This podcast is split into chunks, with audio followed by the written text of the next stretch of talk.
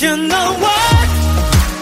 넌 나의 마지막 희망 My answer You're the missing last piece You know what?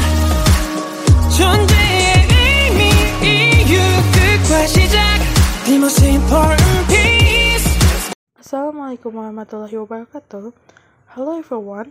I would like to introduce myself. My name is Dena Heunisa Ajis. You can call me Dena, Nana, whatever it's up to you. In Bandung and my address is Bukit Permata Cimahi. I'm 16 years old. I like to watching drakor and read webtoon. Okay, that's an introduction for me. I hope we can meet quickly and then see you next time. Give me your breath of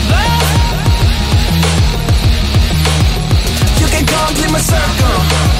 You're the missing last piece. You can complete my circle. Most important last piece.